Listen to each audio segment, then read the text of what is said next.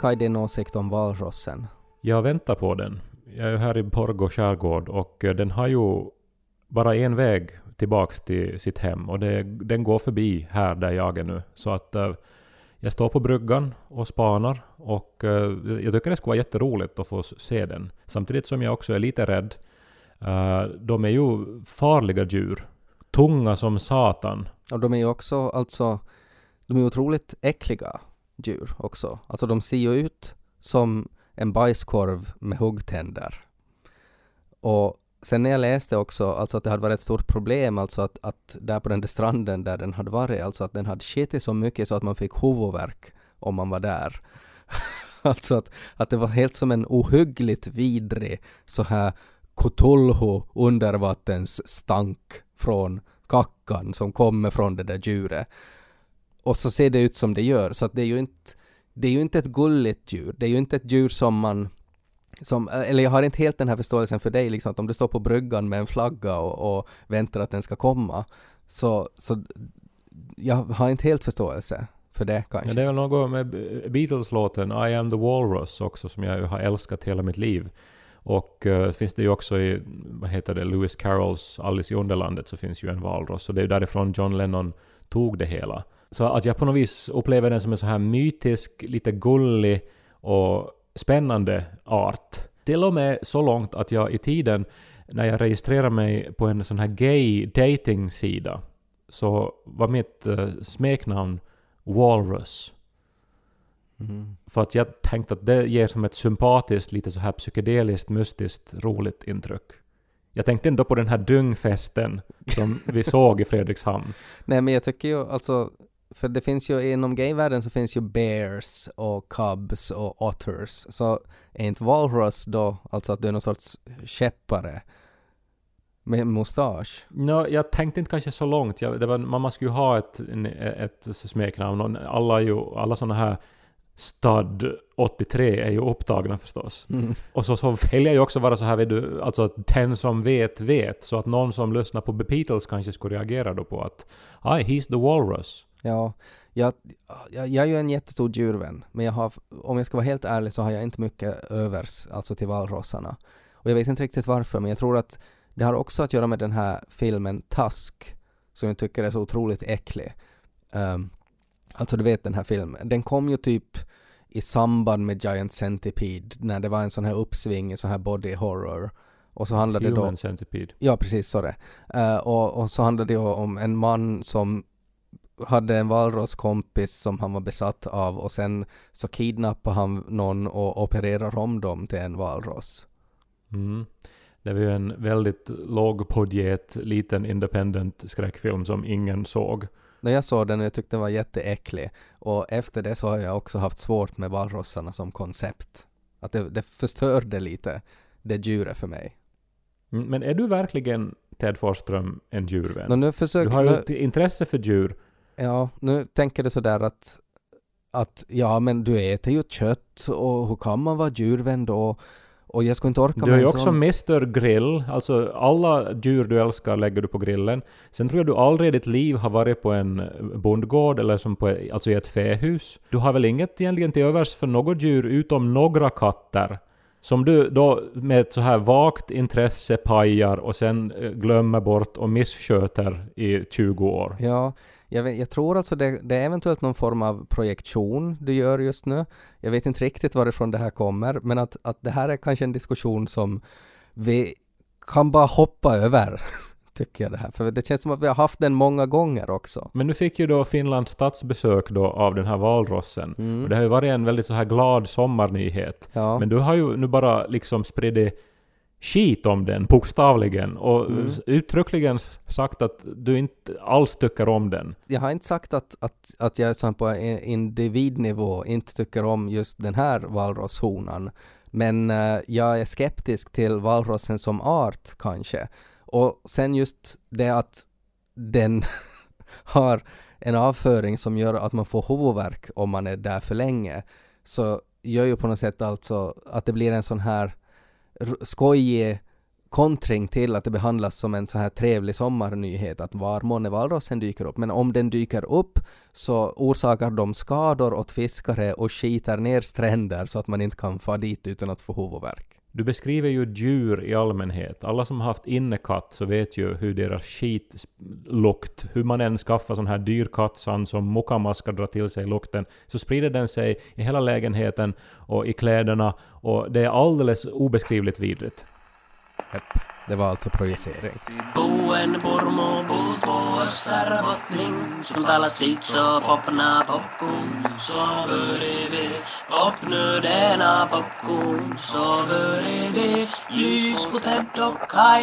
Naturen är ju överallt omkring oss och naturen är ju Satans kyrka, som Lars von Trier sa Mm. i filmen Antichrist. Vad menar han med det då? Nå, det vet jag väl inte vad han menar, men jag tänker mig att naturen är ju ganska hänsynslös och opportunistisk och så här. Ja men jag tänker, alltså finns det någonting, finns det någon så här belägg i bibeln att naturen eh, tillhör Satan och därför måste man bygga stenkyrkor liksom som inte tillhör naturen? Kristen tro har väl ofta kontrasterats mot hedna tron som eh, fanns här i Norden innan kristendomen.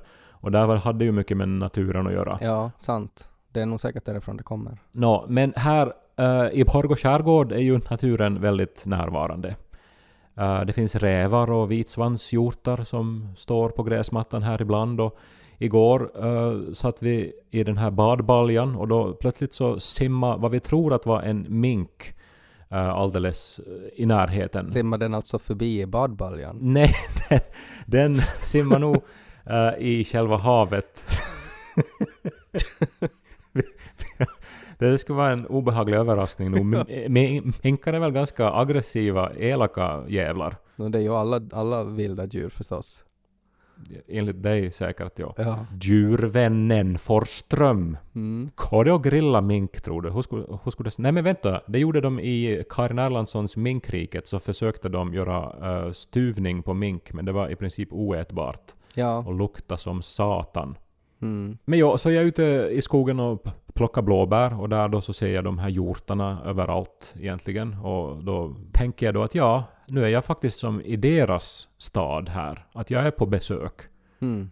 Och att de tittar på mig som att jag är någon sorts idiot eller som beter mig som jag gör. Och det är jag ju förstås i deras stad. Men så satt vi då på terrassen en kväll och så hörde vi plötsligt ett märkligt ljud. Så här knack, knack, knack.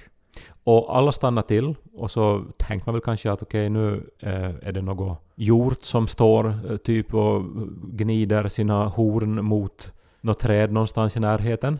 Men det lät som att någon liksom knackade på väggen. Eh, och vi tittade oss omkring och såg ingenting och tänkte att kanske det är möss som, som springer under verandagolvet. Eh, men eh, ingenting syntes och vi fortsatte samtalet. Men alltid då och då så reagerar vi på det här knackandet. Nå till sist så tittar någon av oss upp i taket då på verandan. Och där då alldeles ovanför verandadörren, där vi liksom går ut och in i huset från verandan. Så där finns en grå klotformad sak, ungefär lika stor som en tennisboll. Mm. Och kring den så flyger alltså kanske den största jävla geting jag någonsin har sett. Och det är då när den slår i taket som det låter knack, knack, knack. Att den var så stor. Nej, alltså den flyger lite så här, alltså jag menar med, tanke på det som jag då sen börjar forska i och som jag förstår då. Det här är ju alltså drottningen. Och hon har byggt den här tennisbollsstora kupan alldeles själv. Av eh, trä som hon har gnagt från träd, blandat då med sin saliv, så skapar hon cellulosa. Och så bygger hon då det här intrikata lilla hemmet. Bygger hon det faktiskt själv? Helt ensam. Det där, det där är nog alltså, det, det har ju varit mycket prat om monarkin och sådär och vad de gör och drottning Elisabeth hon är gammal och hur ska det gå efteråt. Men det är ju nog så där det borde vara, alltså att om någon bestämmer sig att nu är jag drottning och så gnagar de på olika byggnadsmaterial och så bygger de Windsor Castle åt sig själv. Då ska de få vara drottning, tycker jag. Nå, alltså nu har jag ju då läst på här då och alltså bidrottningar det är ju nog, det är ju nog, det är nog speciellt alltså. Vittu vilket liv de lever. Hmm. och hur samhälle de skapar är liksom störande mest up alltså. Okej. Men alltså det, det som hon gör, hon skapar alltså den här tennisbollstora grunden till bikupan. Och där inne så lägger hon då eh, de första äggen i någon sorts sån här liten kaka. Och så blir det då till larver och så blir det då till eh, arbetsbin. Och när de föds så tar de över arbetet. Och de puggar resten av kupan och hon pensioneras och är som bara där i bot och blir uppassad och lägger ägg. Och hon lägger dagligen ägg ungefär två och en halv gånger sin egen vikt i ägg. Ja. Medan arbetsbina eh, kommer med mat till henne, tar bort hennes rosk och skräp, städar där hemma, bygger, gör precis allting. Och hon sprider ett sån här feromon som håller ihop hela pikupan. Som alla de här tusentals individerna som småningom då finns eh, där, så eh, samordnas och hålls eh, ihop som en enhet tack vare den här drottningens, den här enda drottningens feromoner. Det är ju helt sinnes. Och de här äggen, alla ägg hon lägger är liksom likadana. Men eh, en del av dem blir till drottningar. Eh, till, alltså nya drottningar. Eftersom arbetsbina under de första tre dagarna eh, när larverna krälar omkring i sina hexagonformade kapslar så utsöndrar de någonting som kallas för Royal Jelly, Mm, det har jag hört om. bidrottningsgelé Mm. som de matar larverna med. Men efter tre dagar så börjar de mata dem med annat istället. Utom i vissa hexagonceller. Som de fullkomligt dränker i Royal Jelly. Och det är det enda som de här larverna får. Och Royal Jellyn gör då att de utvecklas till nya bidrottningar. Som inte bara är 40% större än alla andra bin, utan som också har då möjligheten att eh, liksom lägga ägg och som lever 10 gånger längre än ett vanligt bi. Bara för att de simmar i den här Royal Jellyn som arbetsbina utsöndrar från sitt huvud. Men hur väljer de ut vilka som ska få bli drottningar? No, alltså det är helt random för det är som... Det är samma ägg och samma larver. Så de bara säkert väljer att okej, om vi skulle utsöndra lite så här kunglig sperma hit i den här säcken och se vad som händer. Men det kan ju inte vara random. Det måste ju finnas något som gör att vissa blir utvalda till det. Det måste ju vara någon sorts, någon form av sån här prov som de gör.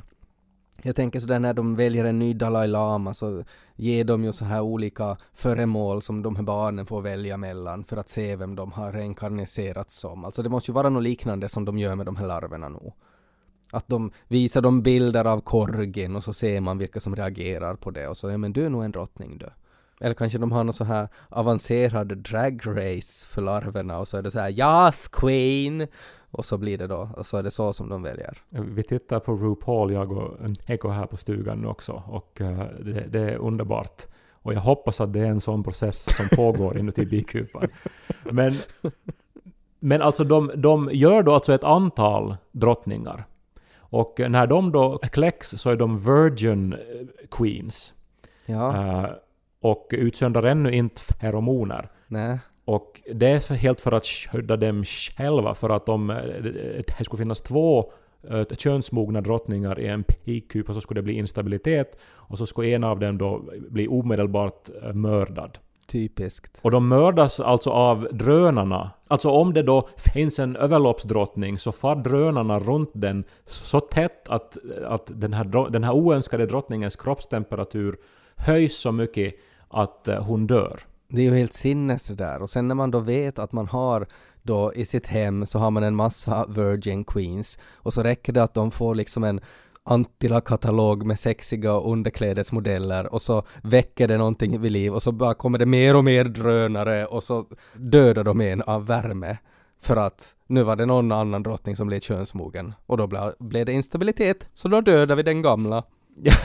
Men, men, men eftersom det då, då föds en massa Virgin Queens, så det första de gör att de letar upp andra Virgin Queens och sticker ihjäl dem. Intressant. Det är ju som, som helt någon så här high school drama. Ja men det är så sinnessjukt intressant. Och allt det här nu då läste jag då eh, där inne på soffan medan jag då och då hörde det här knackandet utifrån och var väldigt medveten om att ett sånt här samhälle håller den där bitchen på att pugga där ute just nu.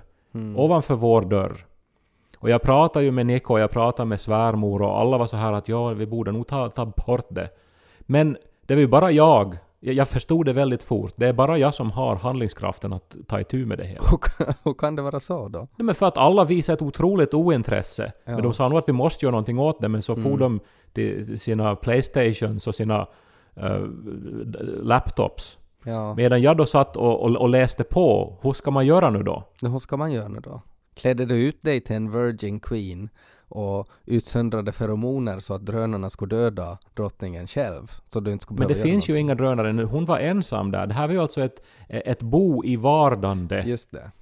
Jo, hon, hon var som en, hon hade just varit en Virgin Queen och nu hade hon då flugit dit. Hon hade just dödat sina Virgin Queen äh, syskon och skulle nu då starta en ny koloni där. Ja, eller innan det så har hon flugit iväg till ett matingställe där hon har legat med 20 olika drönare och samlat på sig deras sperma.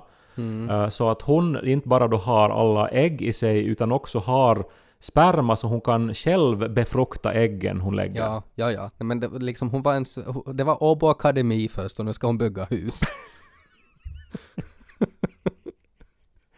Ja, men, men äh, inte fanns det ju då något finkänsligt sätt att göra det här på. Och internet var överens. Man måste nu bara helt enkelt liksom ta nå pinn och peta ner det här boet. ja, Men jag visste ju nu då vilken bitch jag har att göras med. Alltså hon har ju, hon har ju mördat och liksom blivit uppassad och hon har liksom legat med, med 20 muskulösa bidrönare och bara liksom utnyttjat dem. alltså hon var ju som drottning Cersei i Game of Thrones.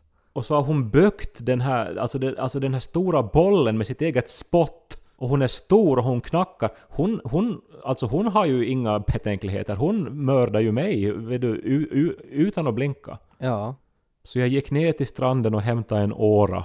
Och så la jag på mig en sån här, sån här mygghatt med nät. och så hade alla andra nu då redan farit och sova. Och så liksom smög jag då upp på verandan med den här åran. Och så hörde jag då det här surrandet från den här drottningen. Hon är nu inuti kupan. Och jag stod där länge och tänkte att Alltså inte var jag väl kanske nu rädd längre för nu förstod jag ju att jag, jag, jag liksom hinner undan. Eller så här. Att det är nog hon som ska vara rädd.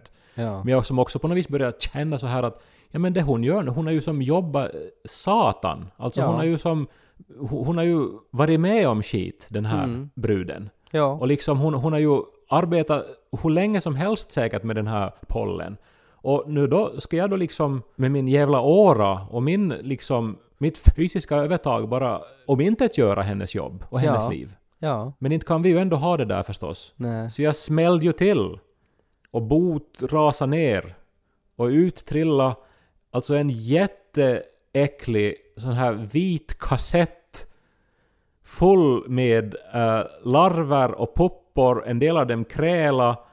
eh, en del av dem var helt stilla och det, det, det såg ut alltså som en dosett med medicin ungefär. Och, och jättesymmetriskt. Och jag sprang ju bort från verandan förstås, för nu tänkte jag att nu, nu, nu, nu, är, nu är jag illa ute. Eh, men drottningen syntes inte till någonstans. Och eh, jag var på avstånd rätt så länge och vågade inte gå tillbaks upp på verandan. Innan jag då till sist med en kvast sopa bort eh, resterna av poet då från verandan på tryggt avstånd. Och slängde den här krälande kassetten då i havet. Mm. Men på natten hade jag svårt att sova. För jag tänkte på det här då att Fan vad naturen är, är grym och jag är grymmast av dem alla. För inte hade hon ju gjort någonting åt mig den Nej, här. hon hade ju bara följt sina instinkter. Hon ville bara leva sitt liv. Hon ville bara finnas på den här planeten. Ja, och hon hade kämpat för det. Ja, Hon hade liksom mördat urskillingslöst och hon har liksom badat i royal jelly. ja. Som jag för övrigt förstod att man kan köpa som kosttillskott också. Det skulle man ju vilja mata åt olika djur och se vad de, om de blir liksom till drottningvarianter. Alltså att om man matar en katt med det, blir de som till en drottningkatt då? Jag tycker människan borde ju ha något motsvarande som man kan ge till specifika individer så att de blir då till Einstein eller Arnold Schwarzenegger eller vad man nu vill ha för typ av människa. någon sorts österrikisk gelé så att man blir till Arnold Schwarzenegger. No, men jag låg uppe och hade faktiskt så här lite svårt att vara. Och på natten så går jag upp på vässa och då hör jag det här knackandet. Samma knackande som vi hörde på verandan. Och jag stelnar ju till. Och jag går till dörren som har en glasruta och i höjd med mitt ansikte så är den där jäveln förbannad som fan och flyger om och om igen mot glaset fast besluten att hämnas på mig. Du har liksom skapat en, en liksom Uma Thurman bidrottning från Kill Bill, alltså som har förlorat allt och skyr inga medel för att hämnas. No, det är ju så det, det känns. Och jag, jag är ju som, alltså att det här är en mardröm nu liksom. Är hon faktiskt ute efter mig? Vet hon att det var jag som gjorde det? Eller är det en slump att hon är där helt framför mitt face? Mm. Nå, på morgonen så... eh, Så hade hon skrivit med sån Royal Jelly på glasrutan så hade hon bara skrivit varför? You're next. Red rum. Eh, Men så äter vi frukost som vanligt på verandan och jag berättar om det här då. Och alla är så här glada att jag då tog tag i det hela. Och tog bort den här pejunnande i-kupan då. Och senare på eftermiddagen så hittar jag drottningen. Hon krälar omkring på marken och verkar vara på något vis förvirrad och svag och hon kan inte liksom flyga längre verkar det som. Och jag förstår ju att hon har ju på något vis liksom drabbats av chock och sorg. Det är väl, jag börjar tänka på Padme i Star Wars. När Obi-Wan frågat att varför, varför lever hon inte? Och så svarar de att det verkar som att hon har förlorat viljan att leva. Att ingenting är fel med henne, hon bara inte vill leva längre. Men efter allt hon har gått igenom, hon har liksom blivit uppväxt på den här eh, ädla substansen Royal Jelly, sen har hon kämpat mot andra Virgin Bees, och sen har hon flytt iväg till någon sorts parningsställe och, och liksom haft otrolig gruppsex, och sen byggt det här boet och lagt äggen och befruktat dem själv och, och skaffa näring åt dem och, och nu bara ligger hon där. Utan liksom riktning eller, eller vilja längre. Hon måste ju tänka väldigt mycket att, att vad, vad har hon gjort fel? Alltså för hon har ju gjort, hon är ju- har gjort exakt det vad en bidrottning ska göra. Att hon har ju lyckats med precis alla steg. Men sen var det då en galning med myggnät och en åra som bara med ett sving liksom förstörde hela hennes liv, allt vad hennes existens har byggt upp till. Det var ju lätt att stampa ihjäl henne förstås då. End her misery. Men misstaget som bidrottningen begick var ju att bygga sitt hus på ert hus. Alltså det var ju, det var ju, hon begick ju faktiskt ett misstag där. Alltså skulle hon ha byggt den här bikupan på en tall så skulle hon ju ha levat ännu idag. Ja, men egentligen är det ju vi som har byggt huset eh, där tallarna ska finnas. Så att vem gjorde fel först? Sånt är svårt att veta. I Satans kyrka.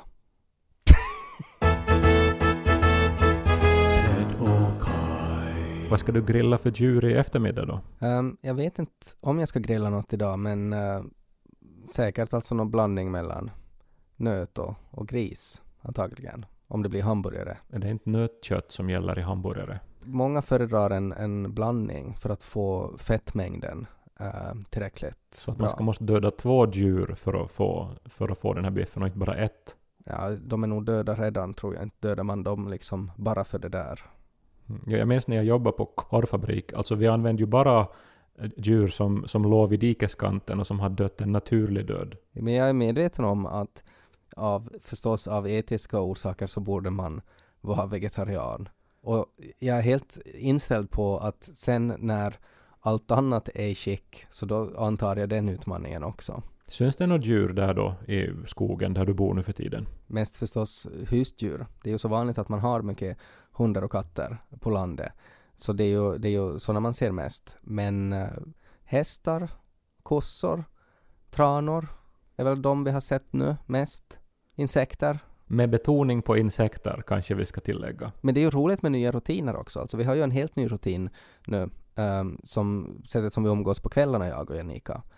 Uh, före vi går och sova. Så förr så att brukar vi ju... in varann med tigerbalsam för Nej, att nej, lindra klådan. Förr var det ju just sådär att man kanske tittade på någon serie eller man drack ett glas vin eller sådär. Men att nu har det på kvällen varit ganska mycket att vi försöker döda flugorna tillsammans. Och det är ju ganska roligt det också. Alltså att man umgås på helt nya sätt. Har ni ännu inte skaffat en sån här zapper då som har ett uh, ultraviolett sken och sen eh, en strömförande platta och så låter det bzzz, bzzz, när man sitter och tittar på RuPaul. Ja, vi har inte skaffat det ännu. För jag, har, jag, jag var ju i något skede här i podden också så pratade jag om att jag skulle köpa en sån där som, som dödar kemiskt alla flygande insekter. Men sen när jag läste lite på om det så är det ju att, att det dödar ju människor också på en radie på fem kilometer ungefär. Alltså att de är väldigt giftiga. Uh, och när jag läste om det så sen har, då, då ville jag inte skaffa något sånt alls. Så, så sen var vi på medeltida marknaden i Åbo och så köpte jag en läder jättesnygg flugsmätta eh, som jag använder istället. Så du dödar dina flugor med en lädersmälla. Ja, det gör jag. Fint ska det vara. Jag har lärt Lo också. Så här, det finns, man kan ju ha olika tekniker också när man smäller flugor. Eh, och hans största problem är att han eh, tycker inte om alltså för när man smäller en fluga så sen måste man ju göra sig av med kroppen på något sätt också. Man kan ju inte bara låta den ligga kvar. Och han har obehag att liksom ta i dem med fingrarna så att nu har jag köpt en sån här en sån här kökspinsett, en sån här liten sån här plastpinsett åt honom. Um, så att när han har smält en fluga så då kan han ta i den med pincetten och sätta den i bioraskisen, flugan sen. Nu är det ju lite så här Helsingfors-barn som hamnar i Österbotten och kommer med en liten plastpinsett och plockar bort döda flugor. Men han är ju, han är ju en Helsingforspojke. Man, han kan inte bara bli liksom full österbottning direkt. Har han en transitionsperiod där han plockar flugor med pincetter så det är helt fine. Så länge han slutar med det för han börjar skolan, tänker jag. Det skulle vara en sån här Royal Jelly, alltså Österbotten version som man måste som marinera sina barn i så att de blir till, till riktiga österbottniska barn. Så jag borde börja pressa ut något ur min panna nu som jag matar honom med. Det är väl pärorna och kött i det då. Ja, det är nog det. Hur länge ska du vara i Borgå då? Ja, inte så länge till. Jag ska faktiskt eh, på en resa till Danmark här. Eh, ska uppträda i Århus på en litteraturfestival. Och så ska vi vara lite i Köpenhamn och, och så här och ett och annat. Ja. Så ska jag faktiskt till Österbotten också nästa vecka. Då kommer jag väl hälsa på dig säkert. ja, det blir kul. Kan vi smälla flugor tillsammans? Men tack för att ni lyssnar. Eh, Vi fortsätter på eh, som vanligt hela sommaren här. Li- Lite så här kanske sommardumma i huvudet som man ju blir på sommaren av för mycket sol och bad och Negroni i mitt fall. Men du kan ju höra av dig, jag menar ta nu ett foto om valrossen kommer förbi. Ja men nog skulle det ju vara häftigt om det mitt i allt skulle bara... Så, så skulle man som se hur någonting enormt oformligt krälar upp på bryggan. Väger över tusen kilo. Och sen kommer Nico och alla andra som är där och, och säger åt dig att ja Kaj, att det skulle vara bra om du skulle kunna fixa bort den här valrossen. Så får du dra på dig myggnätet och åran och göra samma sak igen. Och på natten hörs det dunsar från gårdsplanen och så drar jag försiktigt upp persiennerna och så möts jag av ett valrossansikte. Så lyfter den sina huggtänder och knackar på fönstret. Och så säger den Är det du som är valross?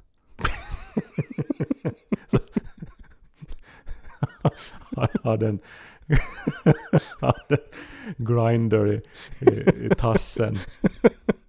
Och så ett otroligt missförstånd.